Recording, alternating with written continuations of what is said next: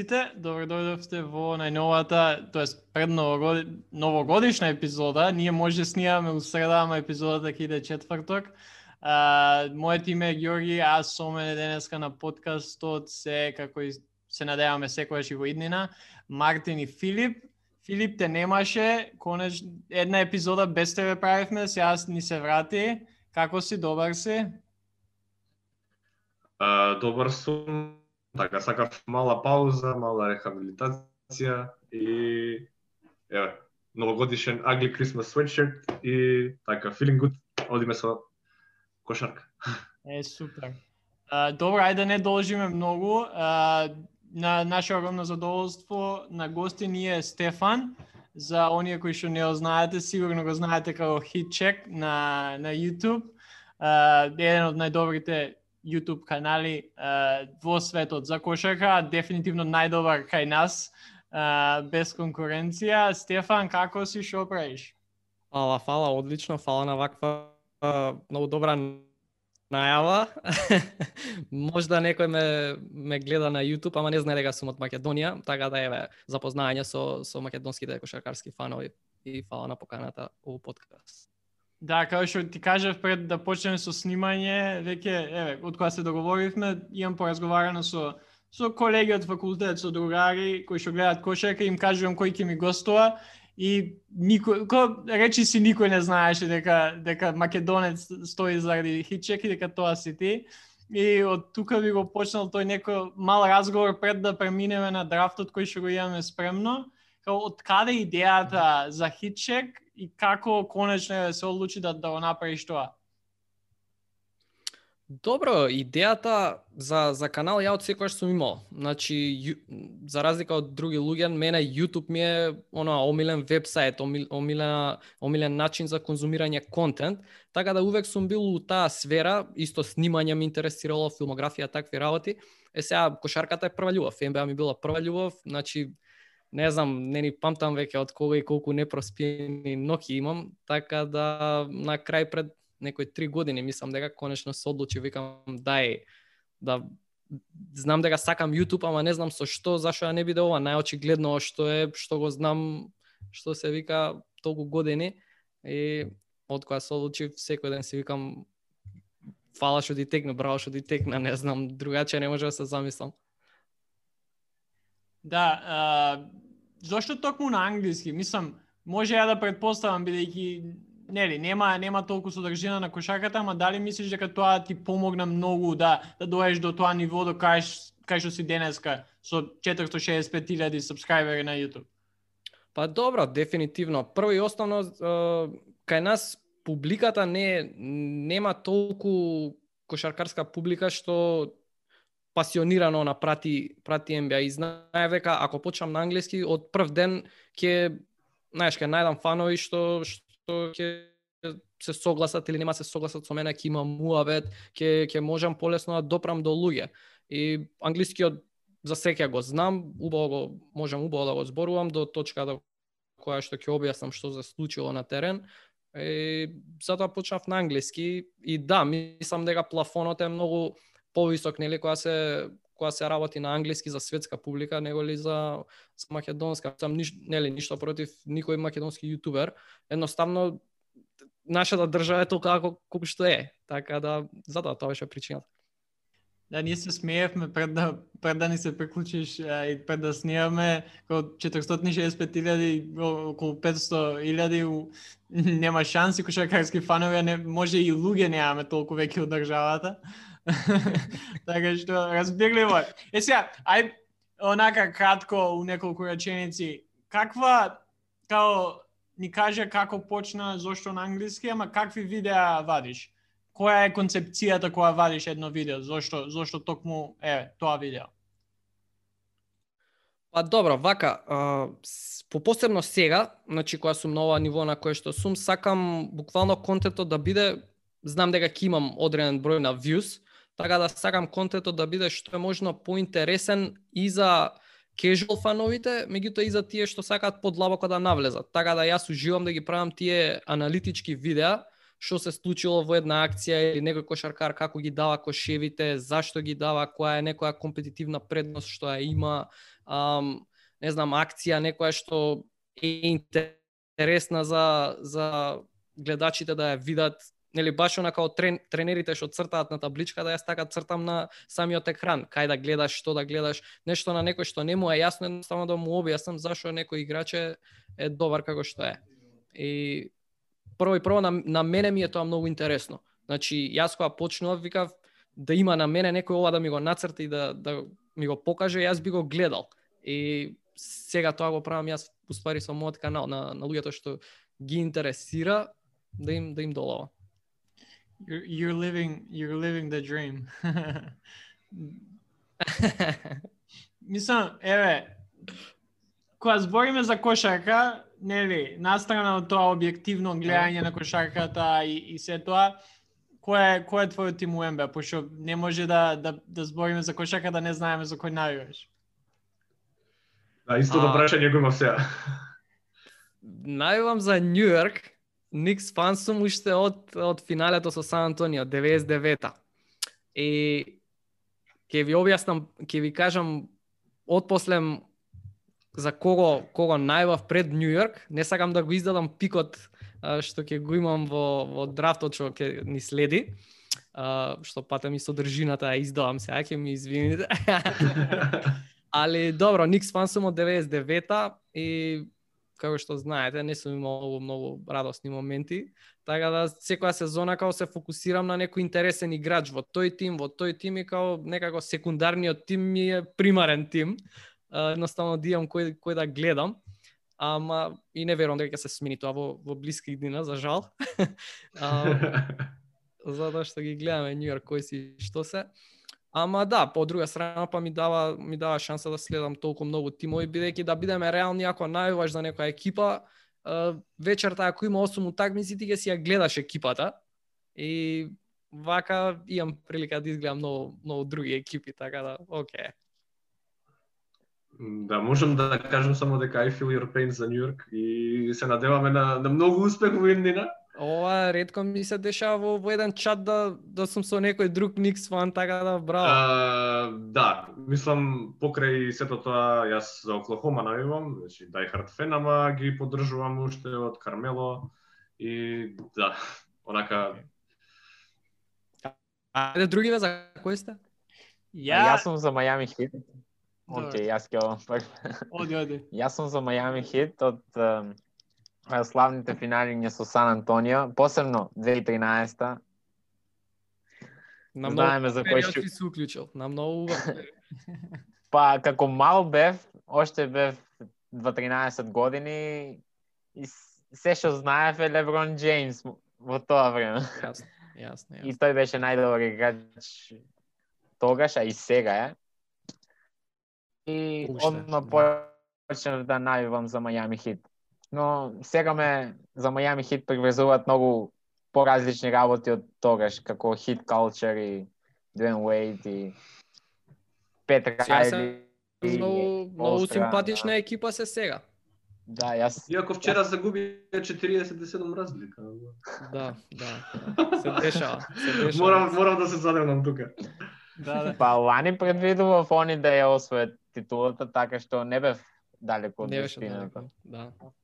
Ја, ја инаку чудно може, би, ама немам екипа од МБ моментално. Ја од секојаш кога сум следал, тоест се сеќавам прва утакмица која што имам гледано беше на Спарси, го тогаш сум ги почитувал многу. А, финалињата Мартин кој што кажа он за хит, ја за Спарс. А, дефинитивно една од најубавите кошарки што ги имам гледано у животот, погото серијата годината од која изгубија, со тој шут на, на еден од играчите кои што најверојатно ќе ги драфтуваме uh, у, у прва или втора рунда. Ама да, од Коби, Коби фан сум уште од кога знам за себе, као со Лейкерс и бев додека Коби беше таму. Warriors ми се симпатични, уште времето на Марк Джексон и, и Монте Елис и, и Дейвид Ли. Uh, и нормално сега, кога почна да бијат добри, не беше толку интересно да најавам толку за нив, ама уште, ама уште, уште ги поддржувам. И ја, јас сум онака, јас сум најгач на Партизан. Кај има играч на Партизан, сега таму сум. Сега така што Атланта Хокс и Богдановиќ и. Давис Бертанс и, Вашингтон Визардс. Моментално. Ова е веќе Hard. Ова Да. е веќе Die Hard. браво. Баш, баш, баш. Добро. ние, ние во спортовите секогаш сме обратно. Ако едниот најава за тие, другиот најава за тие. Братско ривалство. Баш братски, баш братски, да. Па не е интересно ако за исти тимови навиваме. А, ама не се, последно прашање, мислам дека сите ова ги интересира малце, нели, надвор од она кошакарскиот дел, дали има заработка од YouTube, за да знаеме ние дали да, да влеземе у ова по појако. Има како како за македонски канали, така и за и за странски и како и у секоја професија ако работиш јако и ако стигнеш до одредено ниво, има заработка. Ја ги охрабрувам сите што сака да почнат барем у оваа оваа ера у која живееме, нели, едноставно е, не ти треба што се вика ни камера, веќе и телефоните ни се доволно добри, ако имаш добра идеја и примарно нешто ако ако си не, си за нешто пасиониран, апсолутно пробај се. Слободно. И со ова мислам дека може и да да преминеме на главната тема на епизодата денеска. А, темата е инспирирана од понеделник вечерта, мислам беше, кога Стеф Кари влезе во клубот 2500 тројки дадени во во НБА лигата. Тоа е трет моментално, пред него се двајца кои што нема да ги спомнеме, морав Кари да го спомнам. А, ама да кажеме дека Стеф има шанса за едно за неколку години да, да биде прв на таа листа. А, ќе бираме најдобри шутери во историјата на лигата.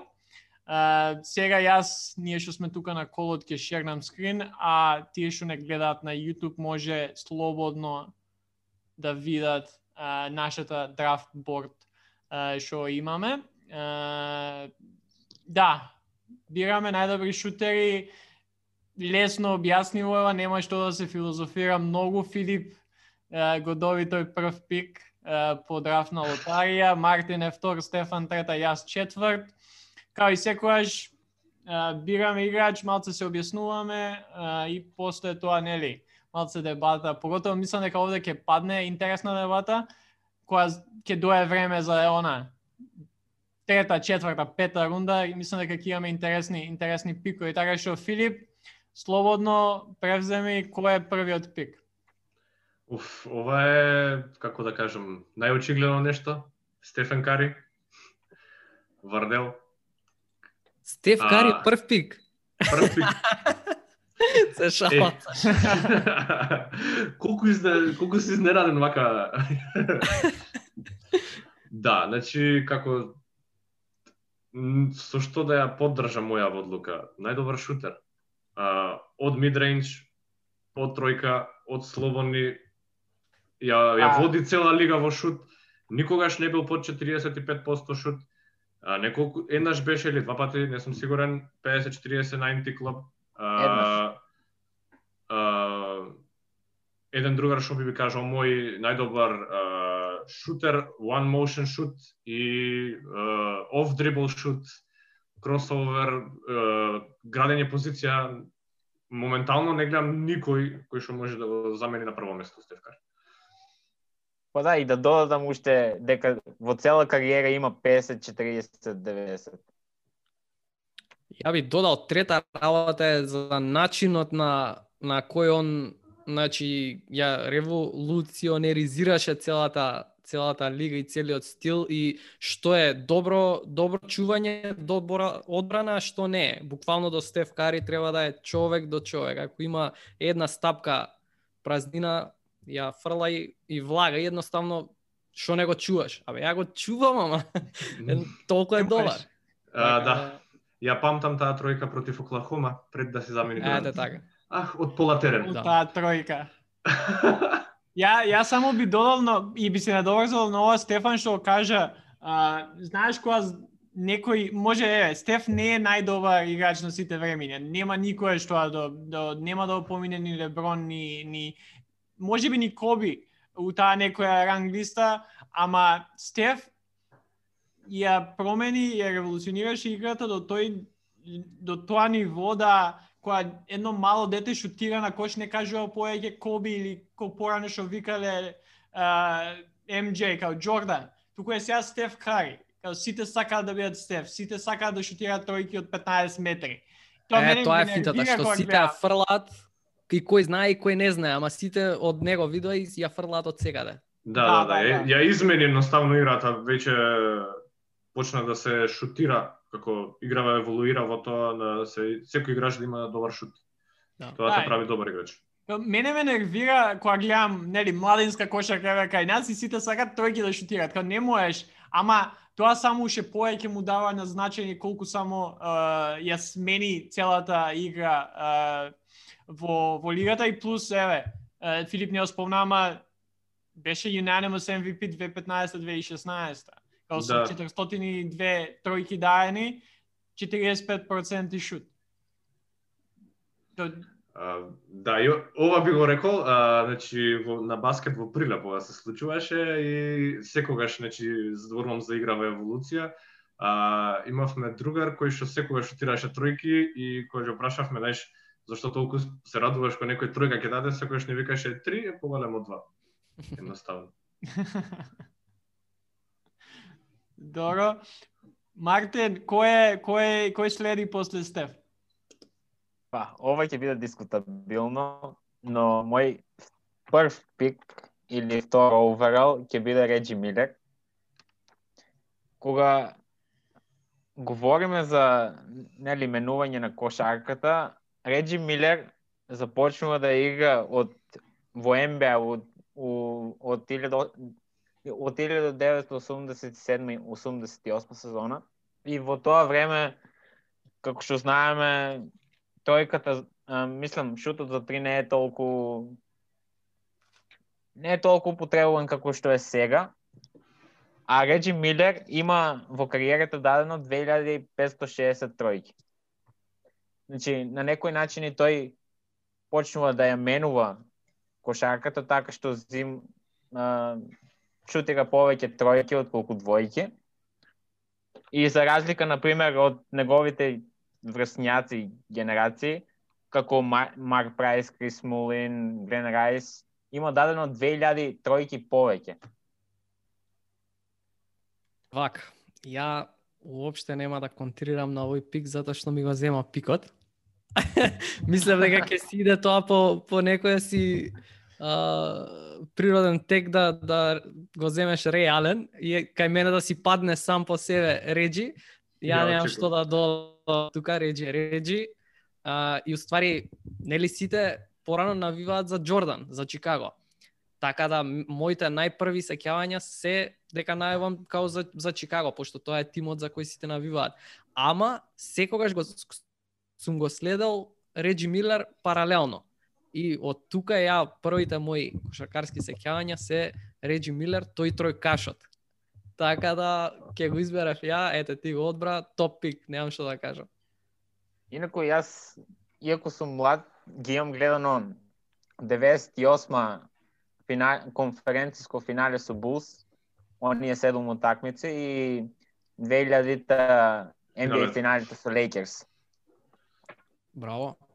А... И, Ајде. И многу ми се свиѓаше како Реджи Милер постигнува поени, како а, трча од една од друга страна како минува низ блокови. Можам да Иако нема добра иако нема добра форма на шут, раците му се вкрестуваат кога шутира, ама тоа не не е битно бидејќи погодува. Можда подсвесно тоа трчање на на Реджи што сум го гледал низ блокови, идење натака навака и тие акции за него што се цртаа, можда подсвесно тоа ми е, знаеш, ми всадило идеја да, еве, за денеска мојот канал, тоа, тоа да го правам, да, да ги да ги објаснувам тие акции, така да топик. Ја само uh, една една работа би дала за Реджи Милер и едно прашање имам за сите четвори, за сите тројца. А, нели сега тоа не се случува толку многу во лигата, може би со Кари, може би со некои други играчи, ама во 90-тите као да ти кога играш против Индијана, против Реджи Милер, целата твоја дефанзивна поставка да се сведе на тоа да не му даеш на Реджи да шутира, на еден играч да шутира, е најголем комплимент кој што еден еден играч кошаркарски може да добие. И мислам дека ова е клуч за сите за сите дебати кај што до пред Стеф беше Реджи и кога и, и кога уште се збори има многу луѓе кои што еве Стеф Реджи се, се уште се мислат. Не не да кажеме unanimous бидејќи Реджи Милер го има тој тој легаси што би рекле американците и прашањето кое што имаме дали мислите дека Реджи е најдобриот кошаркар кој што нема освоена титул? Ау, дискутабилно. Ипак не, Не. ипак не. Каро Мелон тука ќе се да, праша. Да. А Джон Стоктон? Исто, исто ида, идат заедно, они двајца идат заедно, мислам нема нема што тука. А за мене мислам дека они двајца као петорка, они двајца Баркли, Реджи И Ален. и тука кој- Ален Айверсон. Ален Айверсон, pound for pound GOAT, топ топ 3 фаворит играч мој, така да да. Тоа е петорката. Се слагаме овде. Мислам, Во се 3 согласувам ја. И јас се согласувам, ама сакам да видам кај до кај сте со размислувањето бидејќи сепак нема освоено титул, тоа е нешто кое што што го држи назад, што се вика. Стефан, кој е третиот пик? Вака сега добро, јас тактиката морав да ја сменам. Ама добро, природно у секој случај мислам дека без размислување реален. А, треба ли нешто повеќе да се каже од тоа што го има дадено како најклач шутот според мене. Значи у финале последен шут ако промашиш толку е, губите, го дава продолжение и останатото историја. А, малце луѓето го знаат само помладите го знаат у Бостон дека како строго шутер шутер. Ама ако се навратат малци ако ги видат деновите во Милвоки и во Сиетл ќе видат дека е стварно и all around скорере, ама силом прилике од Биг 3 па натака, од Бостон па натака, ам, едноставно така беше строго строго како шутер оперираше, ама еве како што гледам тука во статистиките има сезони со 26,5 поена. А, 2006 што за тоа време и така како респектабилен аверидж. И не знам дали треба што нешто повеќе да се објасни реален. А да, ништо од разлика што еве да ги наречам и хейтери на Леброн, а, кажуваат дека да, баш со тој шут ја спаси легаси на Леброн. Да. А, реален, Да. а, како што кажа, да, многу добро во Милвоки, во Сиетл беше all around, како што кажа, креираше игра, креираше шут и едноставно како што со Бостон покрај Пол Пирс и Кевин Гарнет ја разви чисто шутерска улога. Да, и мислам дека тој шут е да она што го спомнавме преска со Мартин, Мајами Спарс серијата, тој шут кој што го дае Game 6 е еден од нај нај онака икон, не знам македонски малце глупо звучи, ама iconic shots Да. во последниве минимум 20 години. Па сите може ќе заборат кој има до, добиено серијата, ама ќе знаат за шутот на реален кој што ја реши Game 6. И, и кога збориме и со, и со другари кошарка и кога ќе се на кога ќе идеме да збориме за, за таа серија, као малце чудно е бидејќи реален да Game 6 ја одлучи, ама сите забораваме дека имаше и Game 7. Тоа ми е многу интересно. Uh, од тоа што колку memorable беше тој шут.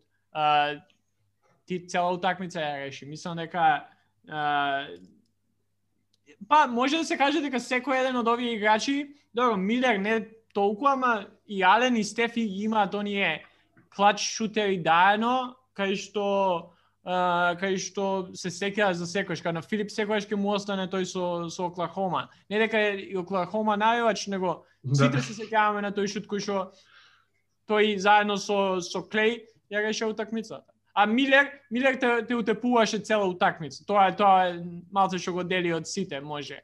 Ама да, као трети пик дефинитивно реален. Добро, само мора да ускочам да го одбранам и реджи дека има и он айконик шот против баш против Джордан, као има ли по од тоа? Башка со Нью Така да А да. ривалството Милер со Джордан кога му кажа Милер мајта и ми после Джордан кога му покажа кој е главен. Да, да. Па Реджи Милер имаше несреќа да игра во времето на Кобе и, и на Майкл. Да. Да. Тоа, тоа мислам интересно е, баш Стефан Дијако ја спомна петорката као и Реджи, и Ален Айверсон, и, и Карл Малон, и Џон Стоктон, и Баркли, сите заради или Коби или Джордан немаат освоено титула, што кажува, кажува доста за нивните величини. Uh, Океј, четврти пик. Е, сега ја овде, ја овде ќе направам еден голем, онака голема контроверзна одлука. Не знам пред колку беше, ама Реджи гостуваше на еден подкаст и го праша кој е најдобар шутер на сите време. Uh, мислам дека не, Стефанија мава мава со главата знае кој ќе го кажам Дражен Петрович. Uh, мислам дека е еден од најдобрите шутери кои што играле кошарка, а за кои што многу многу луѓе не знаат. И затоа четврти пик а, ја го бирам Дражен. Као што може поеќе да се каже, као од кај сакаше можеше да даде кош. А, у МБА имаше малце роки старт, нели? Пошто у Портленд а, малце имаше поголема конкуренција. А, ке, а, Дракслер и, и Стоци и останатите и Енџ. Ама после тоа кога, кога го тредува у Неци, буквално ренесанса доживеа Петро Фор 3. И дуелите против против а, му се легендарни. Два пати имаше 50 повеќе од 50% шут. А, а, два пати а, беше у да, ranked twice in total trees made and attempted. И секако, ако збориме за надвор од, од НБА, еден од најдобрите кошаркари кои што играле кошарка у Европа, а, мислам колку имаше дајано против а, у, додека играше за Реал, 112 коша. Не знам. Е, сега, може ли малку, малку да доправиме муабет на оваа тема? Јас мојот став да го кажам. Ајде, ајде. Прва работа зашто одма почнав да климам, Реджи не, не само во, во еден наврат, туку во, во, во повеќе ситуации кажува дека многу го поштува Дражен и дека за него он е најдобриот шутер на, на сите времиња, што кога ќе го каже таков човек, значи Реджи Милер кој ќе го каже тоа, сигурно дека има тежина. Е сега, на мене некако пикот на Дражен ми е многу мал. Факт е дека нели а, он во, во собраќајка многу прерано му завршува животот и кошаркарската кариера. Меѓутоа, моментот кога а, значи кога он починува во, во несреќата има 30 на години или колку таму 30 и нешто. 31 или 2, да. И не сум сигурен дали со со пикот што му бил предходно со до крајот на кариерата, да речеме доколку би имал една нормална кариера, колку тоа резиме е доволно за најдобриот шутер на сите времиња и за прва рунда на драфт на најдобрите шутери. Тоа е моето прашање и тоа е мојот став, не знам. И Не, јас би ја- го одбранил Георги, бидејќи ова е како како што кажа партизан ова од Балкан и го сваќам зашто го става тука на тоа место Пази! и се, те поддржувам за за ова и мислам дека правиш крајм тука и се надам дека со следниот пик ја поправиш овота. Не, а, пази, ако гледаме партизанска линија, речи, а, ова речи, Дражен има утепано сигурно као, као играч на Цибона, ама и Шибеник, ама не, се мислев дали да, пошто можев и, и овој, сега што ќе изберам пети, да изберав четврти да биде као, ама сакав а, едно, нели, баш боревме пред, пред да почнеме да снимаме. Идејата со подкастов е малце да навлеземе и да отвориме некои прашања за кои што не се разговара. Мислам дека само до тоа што луѓе ќе видат Дражен четврти у прва рунда избран, мислам дека а, и еве за мене најдобар од тоа што останале нормално, а, може да створи една дебата и, и поеќе млади поготово луѓе у Македонија млади не го знаат Дражен Петрович. Тоа е тоа е онака жално. И затоа затоа е у прва рунда, затоа да не го избрав у прва ќе беше пети. Бидејќи не Не знам, ама не сметам дека ќе паднеше или може, не знам како како вие би би драфтувале, ама не сакав да ризикувам 12 да оземам или 13. Затоа I had to reach за да не останам бездражен. А, Мартин, ако имаш ти нешто, Имам, имам. Сакам да го а, а, подржам Стефан, бидејќи, например, за Стеф Кари, ако имаше три добри сезони со 225 дадени тројки, дали дали он ќе се сметаше како најдобар шутер во историја? Он ќе се сметаше како некој рол играч во било кој NBA тим и тоа е се, како три сезони не не прават да играч да биде најдобар шутер во историјата на кошарката. Не, те сваќам, ама ја, окей, у целиот овој избор го, го важам тоа и што што Дражен го направи да дојде во НБА и плюс конечно која да доби таа шанса беше трет тим All NBA. По 20 плюс поени даваше на, на утакмица за за Бруклин Нетс, ги водеше. Така што да, а, проблематично е нели а, три, три сезони, нели? Тој некој некој негов пик, ама мислам дека со тоа што направи пред да дојде во НБА, додава до до големо значајне, значање а, за еве ја да изберам а, и плюс јас сум пропонет на таа идеја дека да не беше Дражен Петрович, до некаде и Владе Дивац, па и Сабонис тука може да вклучиме. Европските кошаркари никогаш не би а, дошле до тоа ниво или ќе им требаше многу повеќе време да просперираат во НБА лигата, бидејќи пред него ре, неаме играчи од Европа кои што дошле и НБА лигата ги прифатила како такви. Мора мора Дражен, мораше Дивац, мораше Сабонис да се изборат за тоа и со тоа отворија ние сега да го имаме Јокич, да го имаме Дончич, да го имаме Гасол, браќата па и ред други европски играчи. Затоа мислам, ова е нормално, сентиментален пик, а, ама да, као, знам дека може би ретко некоја листа на топ 15 или топ 20, топ 10 играчи го има дражен толку високо, ама сметам дека заслужува, заслужува да да биде а, да биде таму. Добро, нели као што рече некој од вас дека ова се и горе доле субјективни пикови, секој си бира на себе кој, нели, кој е најдобар шутер. Мене исто прес како што реков за Еверсон дека ми е во топ 3. Мислам дека all time favorite као играч ми е Гилберт Аринас кој сам по себе има многу мал пик. Да, Али да, да. ете тоа тоа е тоа, секој си бира кој на на него му е омилен. Да, и плюс, например, ја да, знаеш, еден од играчите кои што ако треба да изберам да решат утакмица, Дражен би бил у првите меѓу првите избори, затоа идам со тоа. Пети, се мисле помеѓу двајца играчи, ама мислам дека ќе идам со со птицата, Лери Бърд, uh, идам онака old school, uh, мислам што може да се каже поеќе за Лери Бърд. Uh, колку четири пати ја воеше лигата у фритро percentage, шест пати имаше повеќе од 40% шут за три поени, е еден од осумте членови на оној 50 40 90 клуб. Не знам, 40% за тројка има у текот на кариерата, 90 за тоест 40% да, за тројка, 90 за free throws и 50 uh, од поле, 86-87.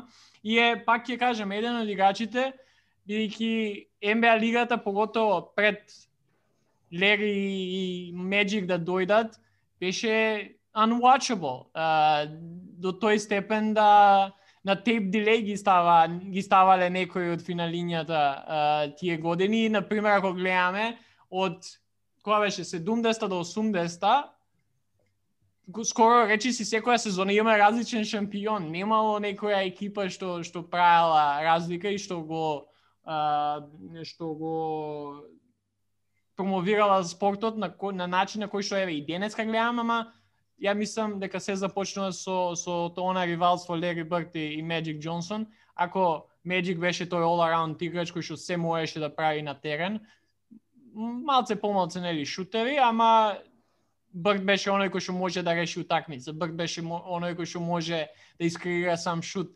Ако промаши може и да си ја фати сам а, да си фати скок сам. А, така што Лери Брд пети пик. Да, би се надоврзал на тоа дека Лери Брд е еден од најдобрите трештокерс во и во целата игра, во целата NBA. И исто така не знам дали знаете за дека еднаш против Портланд цела такмица изигра шутирајќи со лева рака. Значи со недоминантната рака погоди 10 од 21 шут за 47 поени. Значи можете да замислите што е тоа. Каков треш токер, каков а, морам да кажам најдобар, ама многу токсичен играч. Го имав овој овој податок во едно видео, а, овој овој меч збора во едно видео и феноменален, значи треба да си ептен добар играч со со пуна само доверба, да искочиш сам со лева рака да играше сулудо и исто моментот мора да го спомнеме на на All-Старот на тројките да влезе и да каже кој ќе кој ќе биде позади мене, кој ќе биде втор. На крај шутира последната тројка и крева рака за победа. Тоа е тоа, мислам. Феноменален избор и исто ми беше ми беше на листата мене, така да топ пик. Мартин? Немам што да додадам јас. Се е качено за него. Океј, добро е, немаме као немаме толку голема дебата за But- колку што имавме за Дражен But- Лери. Лери, Лери е сепак легенда. А, Стефан, Носталгија, here we come. Шести пик. Вака сега. Вака. Имам јас еден пик тука кој што она што викаат Америте don't overthink it. Треба да го кажам одма, мама, дали да го кажам или дидам за по old school играчи што се малце подзаборавени. Не знам па да не ми земете уште некој од пиковите. Ама мислам дека стварно не треба да се размислува многу и треба да кажам кога станува збор за pure shooter, дека за во втора рунда и така како е заслужен Клей Томсон да биде тука. Клей Томсон е буквално машина. Пюр шутер, ако Стеф Кари може да е покомплетен играч, ако се еден до еден спот ап шутинг ако се прави, не сум сигурен дали ќе дали ќе победи Стеф. И ако не сум сигурен дали ќе победи најдобриот шутер као наводници на сите времиња, а, неговиот тиммейт е и како заслужен тука да биде како беа тие 6 поена со толку дриблинзи у четвртина 38 11, 11 дриблинзи 20, Најс, 29 минути. е и серија у каква што може да влезе Клей Томсон, не сум сигурен дали било кој од овие играчи може да влезат у една четвртина така да да распали и тие хајлајци се стварно бомбастични во, во буквално во таа четвртина. И можам да кажам дека он ја спаси како ќе му дое тоа како империјата на, на Golden State против Оклахома у тој таа славна Game 6. А, ако не беше таа експлозија на Клей, буквално со хит чекови победија. А, така да ете Клей Томсон и немам друго што да додам. you have to bully me?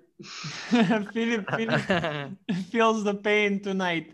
Не, јас само би, би почнал, јас се мислев помеѓу Клей и Лери Бърд. Као, ако не го земев, а, ако не, не го земев а, Лери, ќе, ќе беше Клей, јас само би додал, не знам дали, дали имате слушате изјавата, уште на почетокот некаде, кога а, уште Марк Джексон, нели, беше тренер, нели, изјави дека Клей и, и, и Кари се најдобриот shooting backcourt во NBA лигата. Тогаш може звучеше онака laughable и, и смешно, ама денеска од денешна перспектива најди ми двајца играчи кои играле во иста екипа и кои што биле подобри од Стеф и Клей која се однесува на шутирање. Као нема, мислам дека нема такви и да да имаше као малце, знаеш, штета што никогаш нема да го видиме Клей како води свој тим. Тоа тоа тоа е едно од оние what ifs. Што би било која би било ако Клей имаше свој тим. Може ќе беше полош, може подобар, може ќе имаше кариера као Реджи Милер или некој налик на него, ама тоа тоа е ако правиме драфт на what ifs, ова ми е еден од од од, од она нај нај најдобри пикови кои што би ги избрал бидејќи стварно би било интересно да се види како како Клей води свој тим. Само се плашам да не биде нешто слично на тоа што му се дешава сега на Кари и некои луѓе зашто со негативни коментари сега толку го е па ете он не може свој тим да води, а не е тоа финта на, на Стеф Кари, нити е па на на Клей Томсон. А, така да не знам за тој what if, ама сега го сами по себе феноменални шутери. Uh, ја памтам сега кога го, го спомна за Оклахома дека нели во во конференц финалс водеа 3-1 Оклахома Ја памтам дека оде во гимназија со дрес од Оклахома и бев ајде уште една утакмица си ојде дома, си ојде дома и тој пресврт кој се случи и добив еден постер од Клей Томсон, што никогаш не ни го не ни го прифатив, значи тоа беше вака, само ставија шапката и да те нема. Човекот ме уби, заслужува да биде на шесто место. Па јас со Клей сум воодушевен кој го гледам, бидејќи тој ме подсетува на оние а, движечки патеки по теренот, како што ги имаат Реджи, Стеф и Ален. И како ми се допаѓа многу тој стил на играње на кошака, кога минуваш низ блокови, а, одиш од едно до друго ќоше и, и бараш топка. Мислам дека тој заедно со Реджи Милер е најдобриот во во трчење за барање топка и шутирање. Се слагам. Да, да. Мартин, можеш да продолжиш со, со твојот пик седми за, за овој драфт. Па бидејќи а, тука не се само тројкаши, во најдобри шутери не спаѓаат само тројкаши, со мојот пик би го одбрал Кевин Дурент, Филип, Филип многу сега се радува што му го зема Дурен пред рака. Да, да, да, да, да. Немаше да го изберам, ајде. Па, иако нема толку многу дадени тројки како некои од други играчи, јас мислам дека Кевин Дурент има многу добри проценти и на и на two point шутеви и на three point шутеви како е над 40% за тројка, над 50% за двојка, како има има сезони каде што ја водел лигата во а, најдобар процент на словени фрлања со 90,5% и и кога го гледам Кевин Дурент, мислам дека не може да промаши од двојка.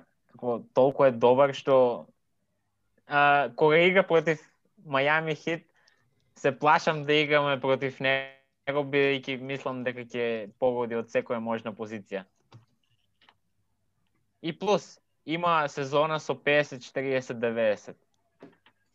Ке додам дека него него очекував, ама и те како се се согласувам со овој пик, него очекував пошто ете пак ќе кажам, мислам дека мислев дека ќе сиде наназад, наназад по тие попознатите да што се, ама кога станува збор буквално за ефикасност и за шутирање од било која позиција, Дуранте на врвот, пик на место.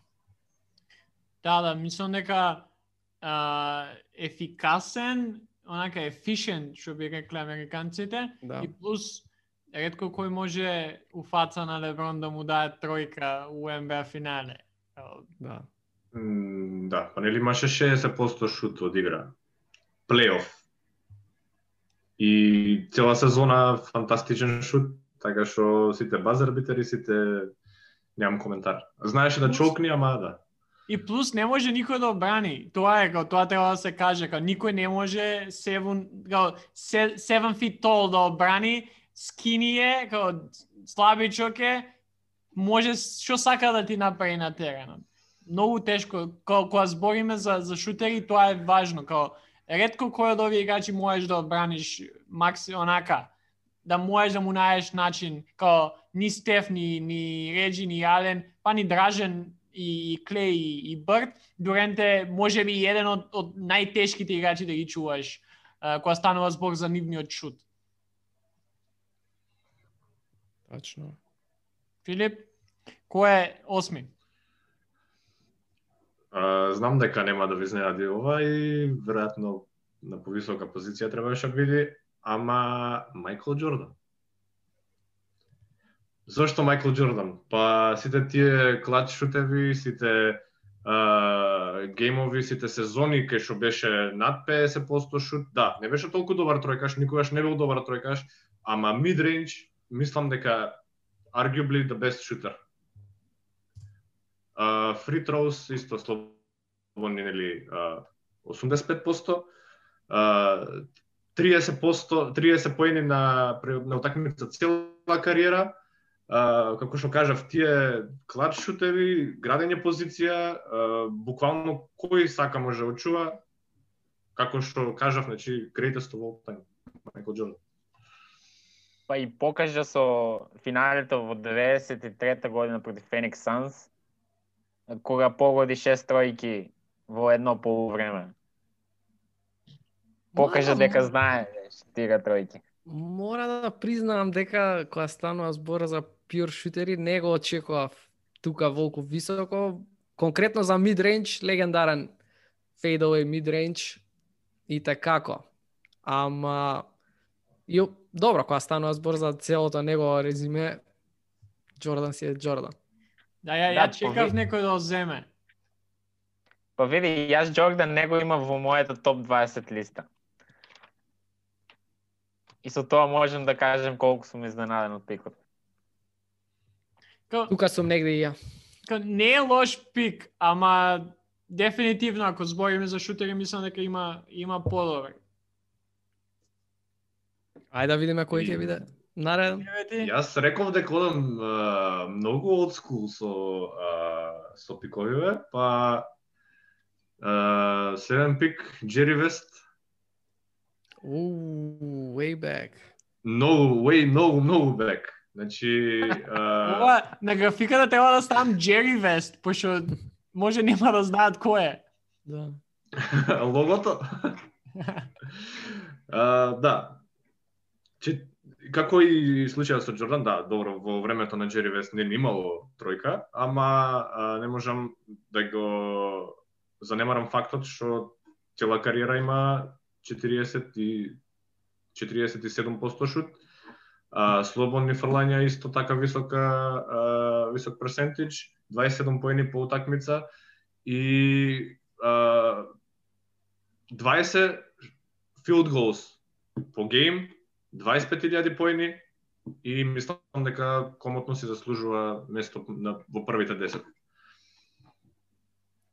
Е сега добро, ја конкретно сакам сакам да идам со играчи што и имам некаква си приврзаност, што сум ги гледал, што ме добил некој нивни шут, дали во живо, дали утре дента на, на клипови и така натаму. А, добро, логото си е логото, не, нема збор тука. А, ама ја мислам дека ќе ќе задржам и ќе одам строго со играчи што што сум ги гледал. Да, да баш Мартин ме праша преска како на што базираш? Јас сум на тоа мислење како да прво каков импакт имале врз играта на тимот, врз кошарката у, у одреден момент и тоа дали мене ми се свиѓа, дали, дали ми текнува како... Оке, прво нешто кое ми текнува на Джери Весе е логото. Или, еве, сега дека е еден од архитектите на, на Клиперс или нешто тоа. Шутер доаѓа после трето, четврто. Ама не мислам дека е лош пик. Ни малку. Uh, дефинитивно и мислам дека со тоа што логото е. Као не можеш да лош, не може да е лош пик. Јас само стакам да видам играчи кои може да шутираат тројки, а Джери Вест не знам дали може. Па немало во негово време сега. Да, мор, морам да признам дека беше добра uh, добар факт што Стефан за тоа дека што ги имам гледано, да, од Джери Вест немам нешто толку многу гледано такмици, иако чудовачки имам скоро од сите играчи вака цели утакмици, да, од, од него многу малку, ама го знам како еден од најдобрите шутери. Okay. Да, и да, да се надоврза на тоа што каже преска за Клей и Стеф, као дуото Елджин Бейлор и Джери Вест, едно од, од подобрите uh, бековски дуа, мислам дека као, да, не, немало тројка тоаш, ама верувам дека ако има ако Джери Вест игра сега, де, дефинитивно би се отсликала таа игра и, и, и денешно време, така што не е лош пикот, дефинитивно. Мартин, десети. А, со овој пик јас ќе одам со а, човек кој не е толку препознатлив по неговите поентерски учиноци, а тоа е Стив Неш. А, го бирам Неш поради тоа што има 4 сезони со 50, 40, 90. Тоа, тоа е рекордер, никој нема... Мислам дека вториот најдобар е, е не знам кој е точно, ама мислам дека нема никој два, две сезони со 50, 40, 90. Исто така, низ целата своја кариера има 50, 40, 90 проценти. Мислам дека е еден од тројцата во историјата на лигата што има таков процент. И тоа зборува за неговата ефикасност во играта. И исто така има дадено 1685 тројки, И тоа е тоа што можем да кажем за, за Стив Неш. Иако го знаеме сите по неговите асистенции, по неговите плеймейкерски способности, мислам дека се заборава таа ефикасност што тој ја донесува од неговата шутерска страна. Да, да надополна, да надополна Мартин, да, Стив Неш е единствен кој што има два пати, тоест четири пати, а, ама поеќе од еднаш у тој клуб 50, 40, 90, тоест Лери Бърт има два пати освен Стив Неш, Лери Бърт два пати, Стив Неш четири, другите нема да ги кажем, пошто дел од нив не се избрани, за да не, да не откриваме. А, се согласувам, феноменален пик, може ја би додал еден од најдобар шутер на слободни фрлање во историјата. Уште кога кажа човек што не е толку познат за поентерските способности, ја викам ние вајда дека ќе ми го земе пред нос сега, затоа што го имав нарен пик Стив Неш, верували или не.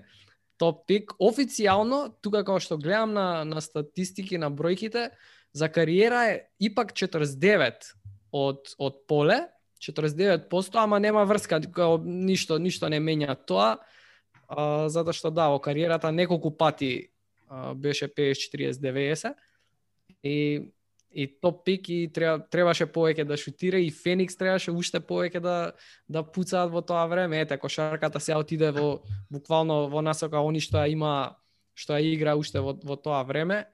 И топ пик, топ пик ако имате уште некој коментар за за пикот ќе ќе ви оставам. Извини, сакам сакам само да додам, а, кажав дека има 4, 50 40 90% низ кариерата. Не ти кажа дека фил голс процентич процентич има 4, 49. Да, 49. Па да, така вика. Штета да, да, за малце. Ама тоа мислам дека овој еден процент не прави ништо по помалце импресивно. Не, не, не. Да. Не, шо, ја ја го имав на својата исто. Ако паднеше до мене 12 13 ќе земе Стив Неш. Јас сите ги имав до сега што се вака. Сите ги имав на својата листа. Да. Стефан мој сега со со 11 да продолжим. Вака идам со пик кој што за екипа од оние што ги изборам што ми беа секундарни коса црта примарни.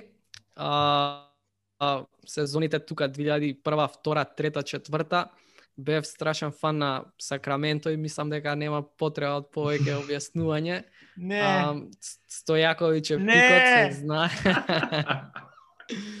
значи, феноменален пюр шутер, клад шутер, едина како како дамка што можам да ја кажам како црна точкичка што му е таа негова тројка а, у седмата утакмица со која што можеше да да ја реши утакмицата, а, а направи бунар, тоа до, до ден денес го памтам. Тие тие кошмари до ден денес ги имам. Ама ако се тргне тоа на страна, значи клач феноменален и во видео имав спомнато дека многу луѓе не знаат дека во 2003 четврта мислам дека беше сезоната е четврти во MVP voting. А, да. значи пред Коби е буквално а, статистиките им се тука и страшна сезона, All NBA е таа сезона. Two time three point champ исто сега за кого што ќе значи тоа, ама а, мислам дека за него нема потреба повеќе да се објаснува. Стефан, ако ти имаш кошмари од, од, од таа серија, ја имам кошмари од драфтот сега. Као, пред, пред некој ден која ја, ја, ја договоривме темата, баш им кажав, имам, има еден играч кој што сакам да го имам у росте. Као знаев дека Дражен може нема да го земете прва рунда, ама Педжа ми е еден од омилените кошаркари на сите времења. Јесте да е најрачна звезда, нема никад играно, тоа му е олеснителна околност, ама една од најдобрите работи што мислам, еве, Cosmic uh, Justice, тоа што Педжа зема зема титула со со Dallas Mavericks. Да. Тоа тоа ја не сум бил као толку возрастен, ама се сеќавам дека доста бев среќен за Мавси што што освоија титула само заради Педжа Стојаковиќ. Секако не ја сакав и Лебронова, Педжа беше она cream of the не знам. Следниот пик ќе ми беше Педжа, ама тоа ја, ја може уш до утре да зборам за него. Ајде да видиме нареден кој ќе да биде тоа.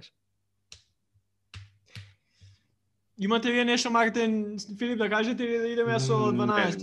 Не, не. Ја Океј, okay, ја. Океј, ја имав двајца играчи кои што ги земам еден по друг, едниот беше Нели. Педжа, втор, вториот е Стив Кер. А, мислам дека а, дефинитивно не е играч на нивото на па може да се каже на ниту еден до сега кој што сме го избрале. А, ама е еден од најдобрите најдобрите шутери на на лигата. Ха, статистика има многу за него као all-time NBA leader in career three-point percentage. Uh, значи најдобар uh, најдобри процент има uh, за три uh, 45,4. Ако говориме по сезони има uh, две од најдобрите пет сезони некој шутер за тројка 52,4, 57,5, 95, 90, 94, 95, 95, 96 повеќе само можам само да листам статистика, што може да се каже као има освоено колку титули со со MJ, после тоа со Спарси. А, клач на доста моменти, а, еден од нај онак, кога збориме memorable shots. Тој он го имаше тој шут а, 97 финалето против Utah Jazz А, кога нели, кога Майкл Джордан му е даде топката, Стив Кер да шутира. И ако имате гледано документарец од сега што излезе, uh, знаете колку само... Uh, значи, Майкл Джордан да ти верува, да ти ја додаде топката, ти да шутираш последен шут у НБА финале, ако тоа не е нешто што може да поголем комплимент од тоа нема за за некој играч кој што му бил тиммейт на на, на Майкл Джордан нема што што да додадам. А, буквално исто колку што е клач да да решиш а, колку што беше клач шутот на Ален, айконик, толку толку беше и овој на Кер, додавање од Джордан, да ти верува, убаво кажа Ѓорги. Топ пик. Се согласувам јас, немам ништо. Јас се согласувам. Да. Е сега, овде не мислев као ги има буквално запишано Кери Педжа, а, дека ќе ги изјавам 13, тоест 12 и 13, Педжа го неам. А, знам кој ќе го земам 20, мислам дека нема да ми го земете. А, кидам со Дирк Новицки. Малце out of the box. Не е out of the box. Баш е, баш е.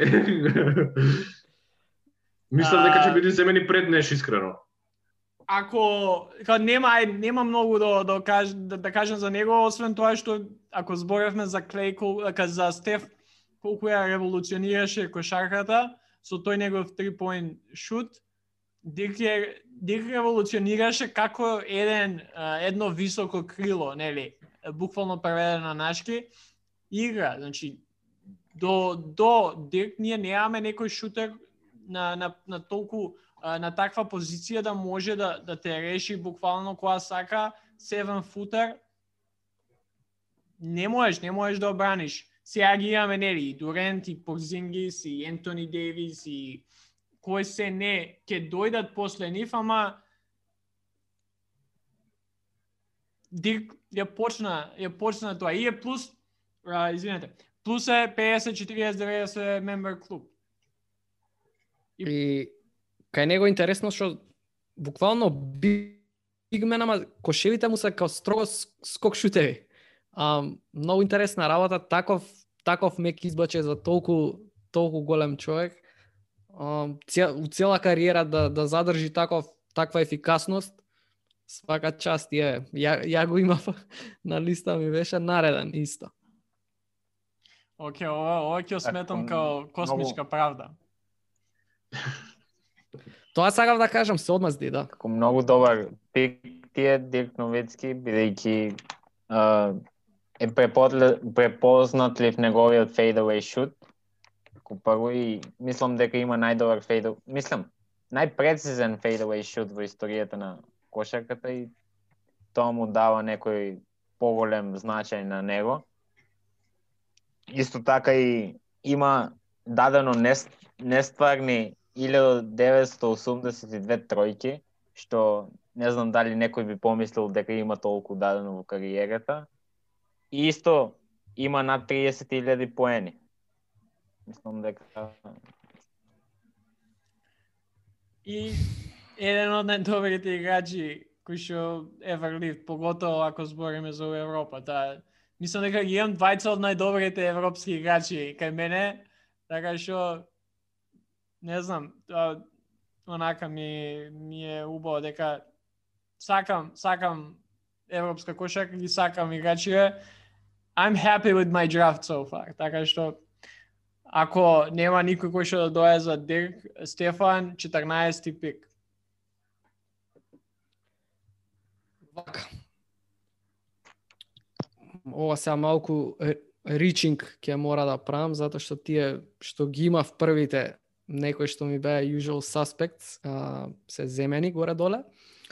Ама ќе кажам играч кој што едноставно цела кариера е во лигата само и само поради неговиот шут и е 41% мислам дека кариер, 41,5% кариер за тројка и игра уште. Мојот пик е JJ Redick. Um, 41,5 од тројка и скоро 90% free throws. Тоа кажува колку е, еден шутер е добар. Um, знаеме дека Редик не е, не е тој играч да, да е скорер или да влезе или off да дрибл, ама неговите, неговите квалитети се се знаат. Едноставно, ако е отворен, да ја шутне и да ја даде. Исто и оне со топ движење околу блокови, трча цело време, знае да се отвори. Um, така да, за, за мене, пик 14 JJ Редик. Имаше двајца играчи што помислив, Данио беше Редика, другиот нема да го кажам, ама исто и тој игра Па, моментално. па го И- знаеме. Да, да, го знаеме. и Мислам другиот. дека го знаеме, да.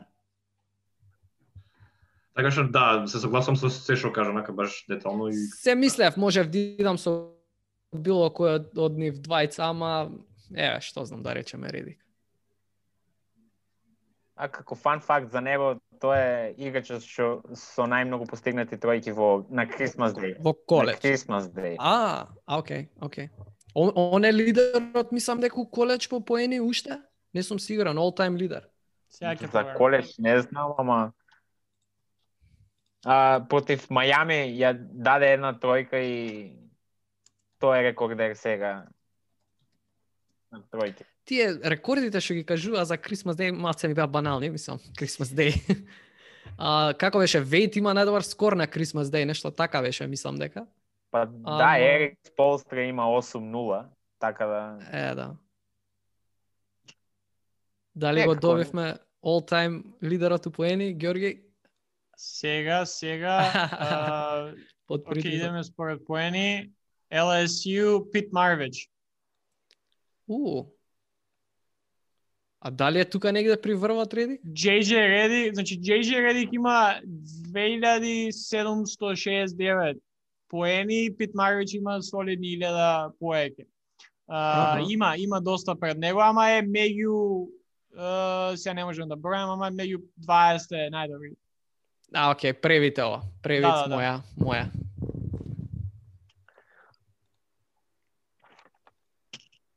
мислам, а, јас само би се надовезал токму за ова, за, за неговата кариера на Дук. А, еден од, од оние. Мислам дека, не знам колку гледате колеч учак, ама на Дук е најтешко да си white и да, да си добар шутер. Грейсон Ален, JJ Редик. Као, Да. а, доста на македонски не ми а, да, adversity има има поминато поготово а, тие негови коледж денови и не знам дали спомнавте ама со самото тоа што првата сезона кај што он пропушти плейоф беше минатата со Пеликанс кажува доста колку е важен Да. колку е важен као као играч за за за тимовите кај што игра и мислам дека солиден пик ја го имав на листата, не го земав од проста причина што што Дърк и Кр ми беа слободни, ама не дефинитивно заслужува место меѓу 20 играчи кои што ги имам. Па нели кажа дека за Зајон кажа ако само заради тебе ако пропуштам овој плейоф Да. и за несреќа те пропушти. Мартин, А, мислам дека не знам дали точно Стефан мислеше на овој играч, кога спомна дека се мисли помеѓу Редик и овој играч, ама тоа мој пик ќе биде Кайл Корвер. да. А, Кайл Корвер е четвртиот поред со најмногу постигнати тројки во историјата на лигата со со 2450 за малку го пропуштил а, 2500 клубот. Тој ќе има многу добра ефикасност од шутот за три поени со 42,9%. А, има многу добар шут за слободни фармања со 87,7%. Мислам дека сите на сите ни е познато дека колку е добар тројкаш уствари. И е, единствено што го памнам, јас мислам дека него не сум го видел да шутира тројка. А, двојка, извинете. Мислам дека тројката му е на еден начин символ за Кайл Корвер и тоа е тоа. Буквално слични играчи, Корвер и, Корвер и Редик по стилот на, на игра ми се многу слични. Ќе треба буквално да ги спорам процентите да видам сега кој што како, ама тоа се тие играчи се мислев, дали Корвер, дали Редик. Што знам, Редик некако ми се свиѓа начинот на кој искача од блокови, мислам дека Корвер има бенефит да игра со феноменални играчи од типот на Айверсон, по посебно типот на Леброн, така да тука, тука он малце доби. Редик окей, со Крис Пол беше у Клиперс, ама што знам, ете, симпатии на кај него влечам, ама тие се тие пикови во иста во иста драфт рунда се, еден до друг. Ми се Да. свига добро. Да. Филип, 16 и 17, кои се последни твои два? Е, значи јас како што кажав уште на почетокот, реков дека јас одам со олдскул играчи. А, бидејќи во, пред, во некој од претходните епизоди кажав дека умирало нешто во кошарката мене ми е шут и еден од играчите на кои што јас сум се огледувал Џорџ Гервин. Зошто. Џорџ Гервин? Значи Џорџ Гервин е еден, значи сум пратал многу а, уназад кошаркава, значи во 70-тите, 80-тите, 90-тите години. Џорџ Гервин е еден од најдобрите офанзивни играчи. Значи, цело време дабл тимт, а, буквално а, од интервјуа со, со противниците кажува а, се молиме да се измори и да не може да погоди шут, пошто беше толку добар што доктор Джей му го дава никнейм Iceman. Значи 29.6 поени кариера, 54 поени шут од поле, 84% шут од фритроу, 27.000 поени, 26 и 6 се извинав. А, 10 field goals, мислам дека тоа само тоа кажува а, зашто го бирам на ова место. Интересно што кажам и изненади што си, се огледуваш на Џорџ Гервин. Браво за за од денешна од денешна ера да да пратиш толку назад свака час. Да, да, исто така заради него е она баш finger roll. Мгм. Тоа е тоа е човекот што креирал. Не знам, fun fact, тоа е А, единствено што ми смета кај твоите играчи е тоа што освен Стеф, другите се малку послаби тројкаши или воопшто не шутирале тројки. Да, да, значи воопшто кога гледам, не гледам баш само исклучиво тројка, туку гледам и шутери, некој што е изменил како кошаркава и некој што еве како што кажувам за Гирвин, буквално требало да биде даботим во негово време, кажувам. И си имал свој стил, а, да, Мислам дека е интересен пик, дефинитивно оние што не следат може нема да знаат кој е Джордж Гервин, ама заслужува место пред а, Робинсон и пред Данкан, тоа е Гервин. Uh, така што Спарси uh, се заборава доста кога се збори за Спарси, бидејќи сите ја гледаме таа ера која почнува со Поповиќ, не толку многу и со Робинсон на почетокот, ама кога Поповиќ го драфтува го драфтува Тим Данкан, таа ера на спарсија ја, ја паметиме толку, малце се заборава до тоа, мислам дека е, сосема солиден пик, еве сега и ќе го упишам. Ако нема никој што да додае, Филип можеш со 17 за да затвориш екипата. А, добро, значи со 17 го бирам Крис Мулин, исто така играч што е old school, 8, крај на 80-тите, 90-тите и 2000-та година. А, еве, Мартин да не ме караш, некој што е и добар тројкаш, а, скоро 40% шут за тројка, 50% шут од поле и околу 90% шут од слободни фрлања. А, значајно за него што да играше во Индиана, помал дел од кариерата со Реджи Милер и помина поголем скоро цела кариера во Голден Стейт. Да, Ентуан Джеймисон еден од играчите што кој што играл и да, баш покласичен еве шутер шутер да речем. Заедно со Мич Ричмонд и Тим Хардовеј, мислам дека они се побитни за него, отколку Антуан Да, Джеймс. да, да. Еден од по по underrated а, шутери и у, у мојата екипа ќе биде увек така назначен затоа што е како левак, и јас сум левак и ми се свига пикот. Да, како што рече, не знам кој рече дека пуца тројки, мислам дека Мартин беше за разлика од другиот пуца тројки, да. Um, така да топ пик. Ја не знам што би до, освен тоа дека е сосема солиден пик. Не знам, беше дел и од 92 Олимпик, така што со самото да тоа што заслужи место на, на тој Dream Team 92 покажува колку а, само само е а, солиден шутер и не само тоа и, и играч. Ако и, а, тоа што кажам за Спарси важи за Крис Мулин и екипата негова сите сега збориме за, за Warriors и Стеф, Клей, Дреймон, Кейди. Има доста интересна историја и они мислам дека Мулин е еден од играчи кои што мене ми текна, не знам дали сте правиле оние споркл квизови, кај што треба да да пишувате, како има квизови одредени глуп теми, Uh, не знам, најдобри, нај, највеќе поени, највеќе асистенции, тројкаши. Ја така го запознав поеги Крис Мулин. Секојаш секојаш на секој квиз го имаше, поготово ако стануваше збор за шутери и за поени.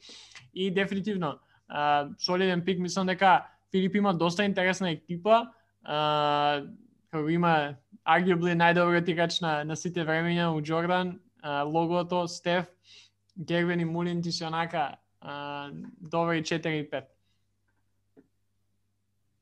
Мартин, Види, ја мислам дека не би бил онака умилен помеѓу гледачиве и нашите следбеници на Инстаграм, само заради тоа што се по олдскул играчи, а не се некои баш да, шутери, шутери да речем мислам коментар ќе биде, абе, Стеф го имаш најдобро, но после тоа никој не ти го бига. Да, демек ја заеба прво.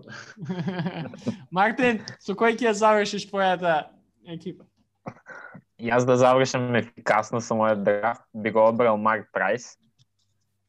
Како и оне исто во играчот со во кариера кој има над 40% за тројка, над 50% за двојка и над 90% за од слободни фрлања.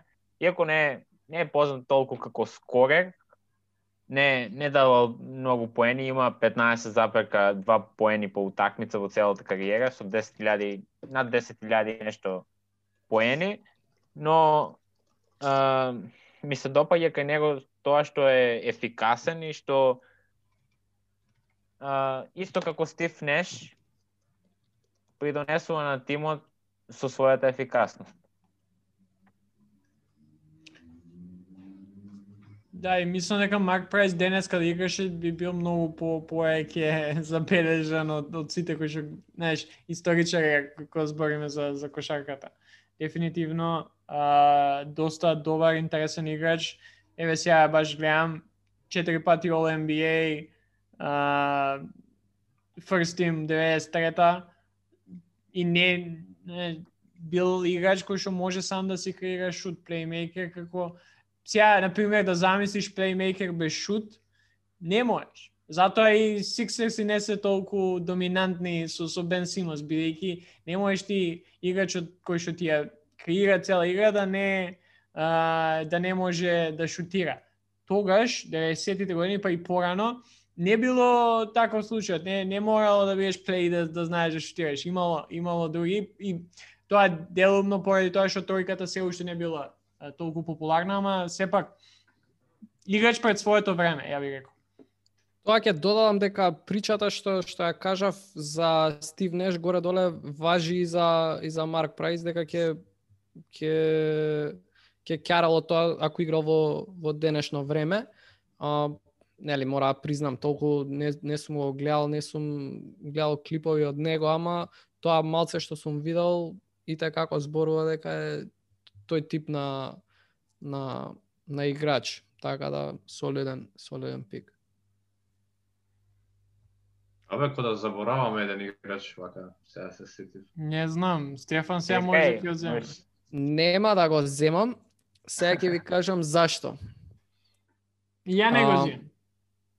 Ма Ако е истиот. за кој за кој играч збориме?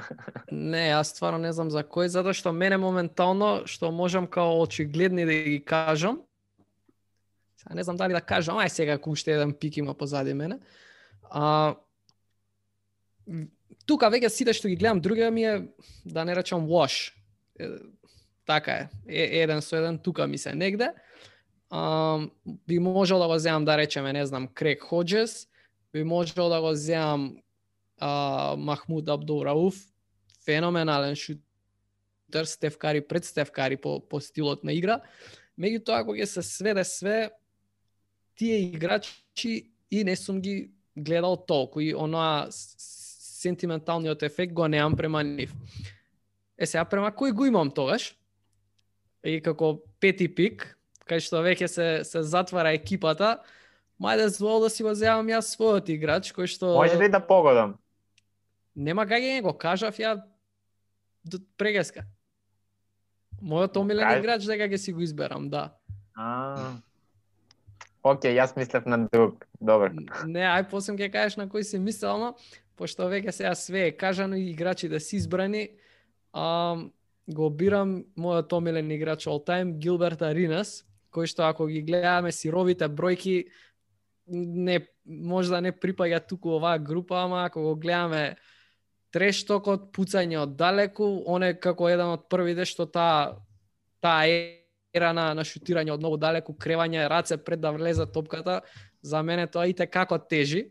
Тоа што сега оваа генерација го гледаат кај Кари шутира и се враќа назад, тоа го правеше Аринас кога кога јас бев помал и кога станува збор за шутер на оноа на коки шутер, confident шутер, за мене тоа е он и нормално, пак ќе кажам, сировите бројки не ја кажуваат приказката за него. Ова е и, и сентиментален пик, за да ја затворам екипата, можам една wild карта да си дозволам тука и го избрав Аринас. Да, значи, не сум изненаден искрено, а, како што рече, така, во Вашингтон растураше. Штета што така најнаш Многу А. мал пик, да. Да, и мислам дека можеше да биде уште како баш беше на пик од кариерата како и сето тоа се случи, да. Не, јас само би додал тоа што кажа за Клей What If, ако пикот му беше поголем. Истото може да се каже и за Дражен Јако Биров.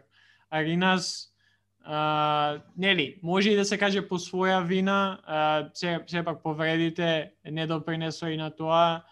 Мислам дека си проживеа убав живот и уште, уште си живее, си онака, си направи пари, ама дефинитивно ти е некој, ја, ја би го додал и Брендон Рој, еден од оние у таа ера, кај што малце поеќе да имаа среќа, сега ќе зборевме за нив повеќе од колку што збориме моментално, а нас дефинитивно а, е онака мислам Јас сега ќе изберам мојот омилен играч, така што се на... добро е што не сум единствен што што прави тоа. Да, инаку мислев дека ќе го одбереш Алан Хјустон поради поврзаноста со Никс. Сакав да го кажам и него, ама многу мек шутер, значи супер шутер, че многу многу мека рака и кога станува збор за формата, едно од оние текстбук форми стварно Алан Хјустон, али и него малку го гледав. И него малку го гледав, а тогаш бев доста помал, а Аринас баш го гледав кога бев она на возраст кога можам да да гледам утакмици секоја вечер и малце од малце повеќе кога разбирав, исто него пораснав, со Аринас пораснав, така да се одлучив за него. Да. И сега со 20-тиот пик, мистер Irrelevant, Uh, последен, uh, човекот кој има највеќе промашени шутери у историјата на НБА лигата. JR? Не, не, не. Дури илјада и нешто повеќе од Джеф Хавличек. Коби Бин Брајан. 14.481 шут промашен, ама затоа, нели, даде 39.283 поени, а, четврти на, на вечната а, ранг листа. Ја до утре може да зборам за Коби, а, омилен играч кој што кажав на почеток, а, не знам, 122 утакмици, 40 point а, games, трете на листата после после Чемберлен и MJ, 25 утакмици со по 50 коша, а, трет исто после Чемберлен и MJ, највеќе утакмици има со, со 60 дани поени, 6, и секако 81 поен против Торонто. Не знам, од, као, као скорер, еден од најдобрите може да се каже шутот не изостануваше, фейдавејот може да би само на Джордан му е подобар, uh, имаше убиствен онака мидрейндж, за тројка може не толку, ама ја мислам дека би направил злосторство ако него изберев Коби е, као мој последен пик. Е, така што ако имате коментар слободно. Нема што многу да, да го бранам пикот на, на Коби, дека си го избрал Коби, нема што да се брани, да бидам искрен. Се свига што Мартин и Филип останаа као доследни на, на нели, на формат форматот, на форматот. Ја мислев дека сите на крај ќе ќе почнеме да ги бираме омилените играчи, така да добро е, пола пола направивме, ми се свигало. Ми се свигало и сега. Јас сум... беше... Кажи. Не, јас сум највеќе изненаден дека Мартин него избра Джеймс Харден. Па има, имаме аргументи за да го избереме Джеймс Харден, но е со Джезу Марк. И јас сум да. изненаден и вака некако да речам дека малку и го заборавив Коби Брајант и вака само ко кажав заборавам еден играч бев оу oh, шит како го заборавивме Коби Брајант и бев кој хейт ние го добиеме ако го не го вклучиме во ова нешто? И да многу ми е мило го избегнавме хейтот барем за сега ама ќе добиеме од 20 го избравме. Не, јас, јас буквално, еве, може да ви покажам, нема да се види убаво, ама, чекај, Значи драфт, драфт борд, као сите што ги имав, сите што сакав, или некој ми ги зема, или ја ги земам. Као никој надвор од тоа, таман, имав као Дражен, Неш, Педжа, МJ Бърд, Реджи Кари, Ален, Кер. Еден заборавивме, мислам, Пол Пирс. А, и малце underrated шутер може да се каже, малце на крајот на кариерата и он, нели, забега а, по по повеќе тимови, ама го забравивме и ги имав Клей Дърк и Коби. Така што јас сум задоволен од мојот драфт. А, еве, за тие што не слушаат, а не не гледаат на видео, Филип као а, прв на пикот ги измаше Стеф, Джордан, Джери Вест, Джордж Гервин и Крис Мулен. Мартин, а, Милер, Кейди, Неш, Корвер и Марк Прайс. Стефан, имаше ги избра Рей Ален, Клей Томпсон, Педжа Стојаковиќ, Джей Джей Редик и Гилберт Аринас и јас као последен Дражен Петровиќ, Лери Бърт или Птицата, кој што ќе опишам на, на, на дизајнов, на графиката, Стив Кар, Дирк Новицки и Коби Брајан. Коментари? Коментарите на сите ќе бидат дека нивниот тим е најдобар, нема многу што да се коментира. Ја мислам дека мојот е најдобар. Сите мислеме дека својот е најдобар. Сега, да ви кажал вака што некој ги пропуштивме играчи ако сакате, вака Алекс Инглиш, Глен Райс, Глен Райс, Рик Бери, Джеф Хорначек, како стварно олдскул играчи вака. Дейв Елис, мислам, кажеш? може да се спомне ако збориме веќе old school. Джеймс Харден,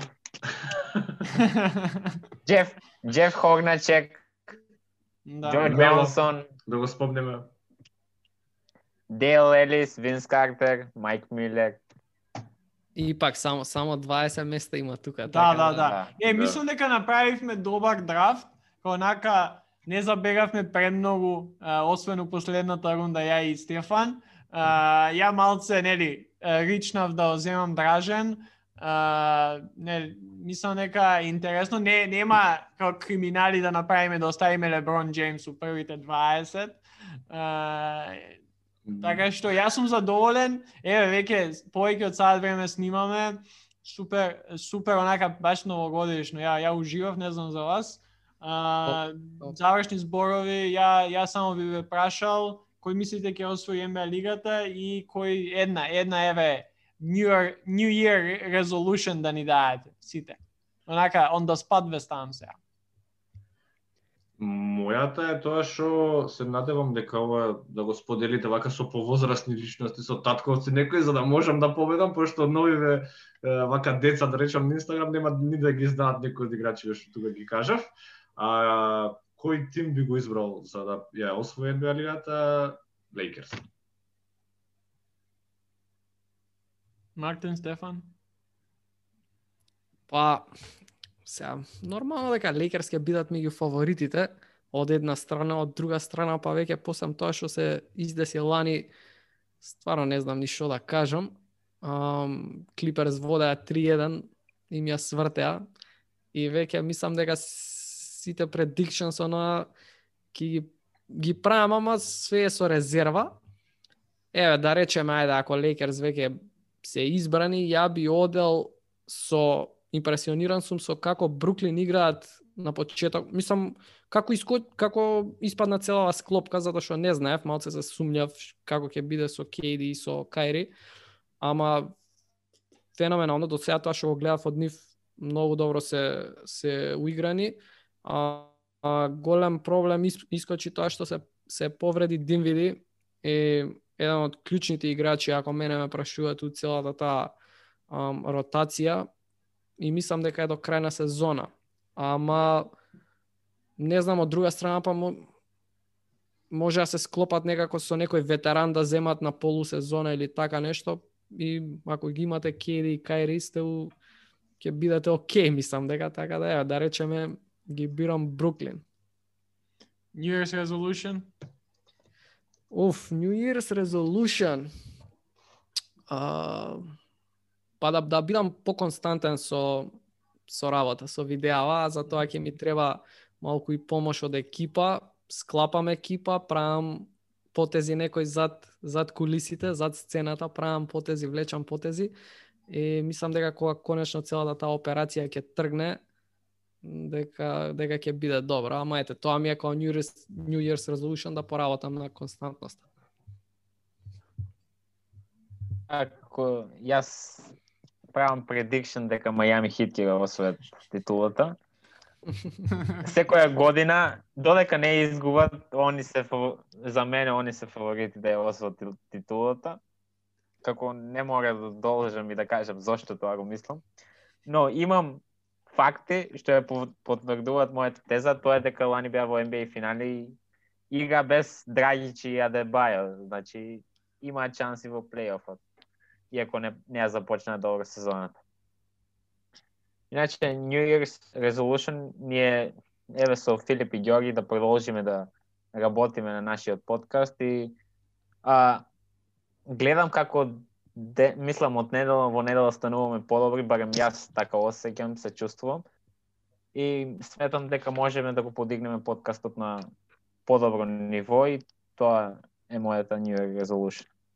Знаењето ви е тука на сите, а све друго оно, а и пред камера, и пред микрофон, изборењето ќе си дојде од епизода во епизода. Најбитното е знаењето да го имате, а го имате, така да на, на супер пат сте.